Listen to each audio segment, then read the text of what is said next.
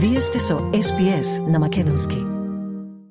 Министерот за надворешни работи на Португалија Жоао Кравиньо, кој вчера беше во официјална посета на Скопје, посредбата со неговиот колега Бујар Османи на пресконференција изјави дека македонското прашање е заокружена работа и дека нема очекувања Бугарија понатаму да ја блокира земјава.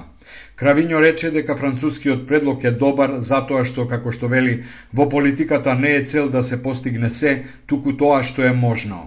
За окружувањето на тоа прашање беше обележено со меѓу владината конференција на 19 јули.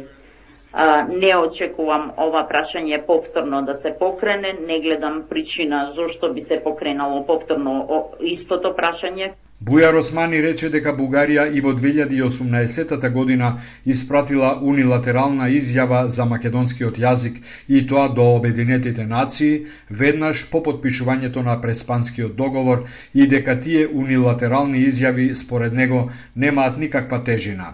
За македонската изјава за јазикот испратена до Брисел, Османи вели дека е во согласност со Уставот, како и со резолуцијата и со заклучоците на собранието штом се запиша во картата на Обединетите нации македонски јазик согласно Преспанскиот договор, до Обединетите нации Република Бугарија испрати унилатерална нота со иста содржина.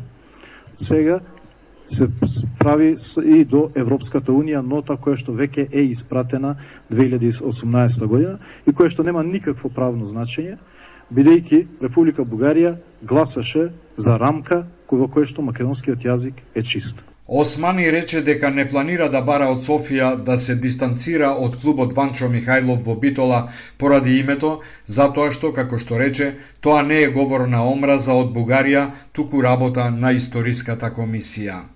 Евроамбасадорот во Македонија Дейвид Гир синоќа за ТВ Канал 5 изјави дека е добра вест што минатата недела Европската Унија ги почнала преговорите за членство со Македонија и Албанија. Гир вели дека дури е отидено еден чекор понатаму затоа што на истиот ден е почнат и скрининг процесот. Тој рече: Значи, одбројувањето до влезот на Македонија во ЕУ почна. Апсолутно ги почнавте преговорите со Европската Унија и тоа е добра вест, рече Гир во интервјуто за Канал 5 телевизијата.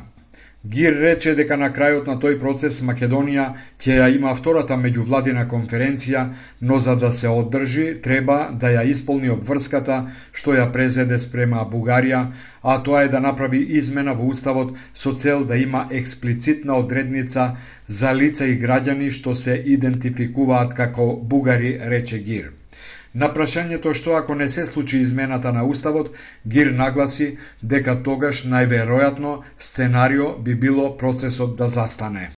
Еврокомесарот за проширување Оливер Вархеј во интервју за белгискиот портал Еурактив изјави дека сега е момент за отрезнување на Македонија, но и за опозицијата. Вархеј вели, палењето документи во пленарната сала туркањето на луѓето кон насилство и поттикнувањето омраза не носат ништо, само штета. Вархеј вели дека волјата за проширување на Унијата се враќа и дека има подготвеност тоа да оди брзо. Но Вархеј нагласи дека Македонија првин ќе треба да го смени својот устав за да ги вклучи бугарите, зашто го нема потребниот консензус во парламентот. До сегашниот државен секретар во Министерството за надворешни работи Зоран Попов ќе биде новиот македонски амбасадор во Америка.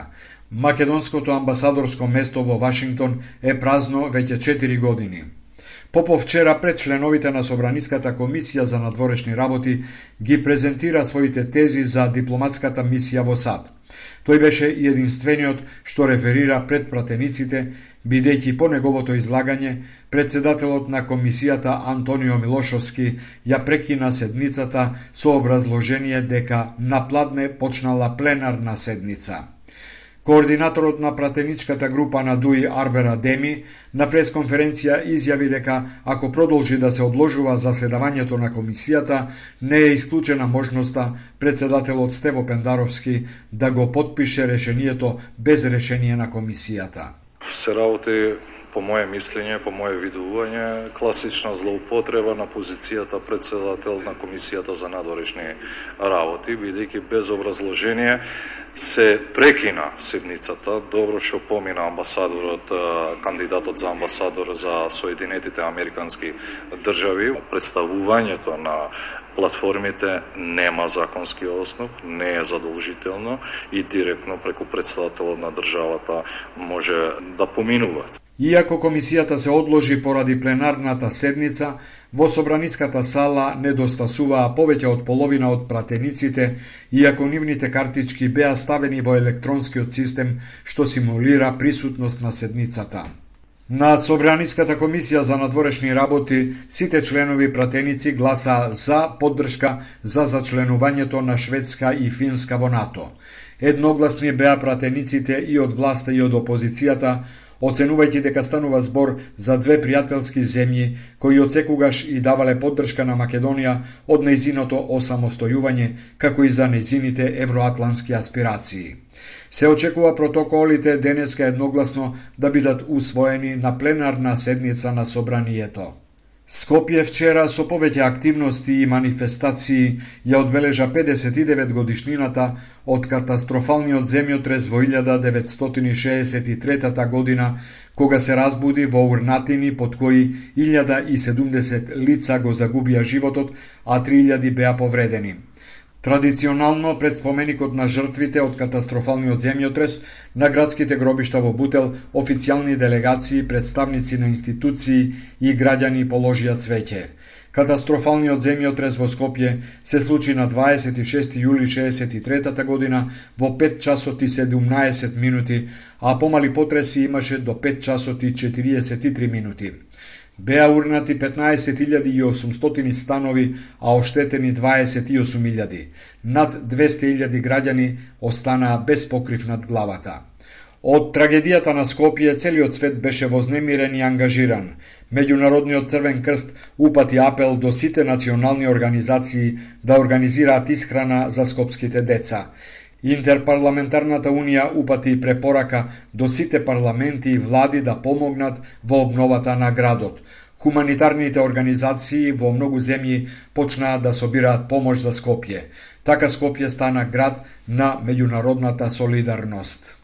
Македонија ќе се представи на Венецијанскиот филмски фестивал со филмот Најсреќниот човек на светот на Теона Митевска. 79-тото издание на фестивалот годинава почнува на 31 август и завршува на 10 септември. Ова е прво учество на Македонија со мнозински проект во една од официјалните надпреварувачки програми на еден од трите најголеми фестивали во светот, поречиси 30 години. Филмот Најсреќниот човек на светот ќе биде прикажан во програмата Хоризонти, во која ќе се надпреварува за награди за најдобра режија, најдобар филм, улоги и други важни признанија. Филмот е копродукција меѓу Македонија, Словенија, Хрватска, Белгија, Босна и Херцеговина и Данска. Стиснете, ми се допаѓа, споделете, коментирајте. Следете ја SPS на Македонски на Facebook.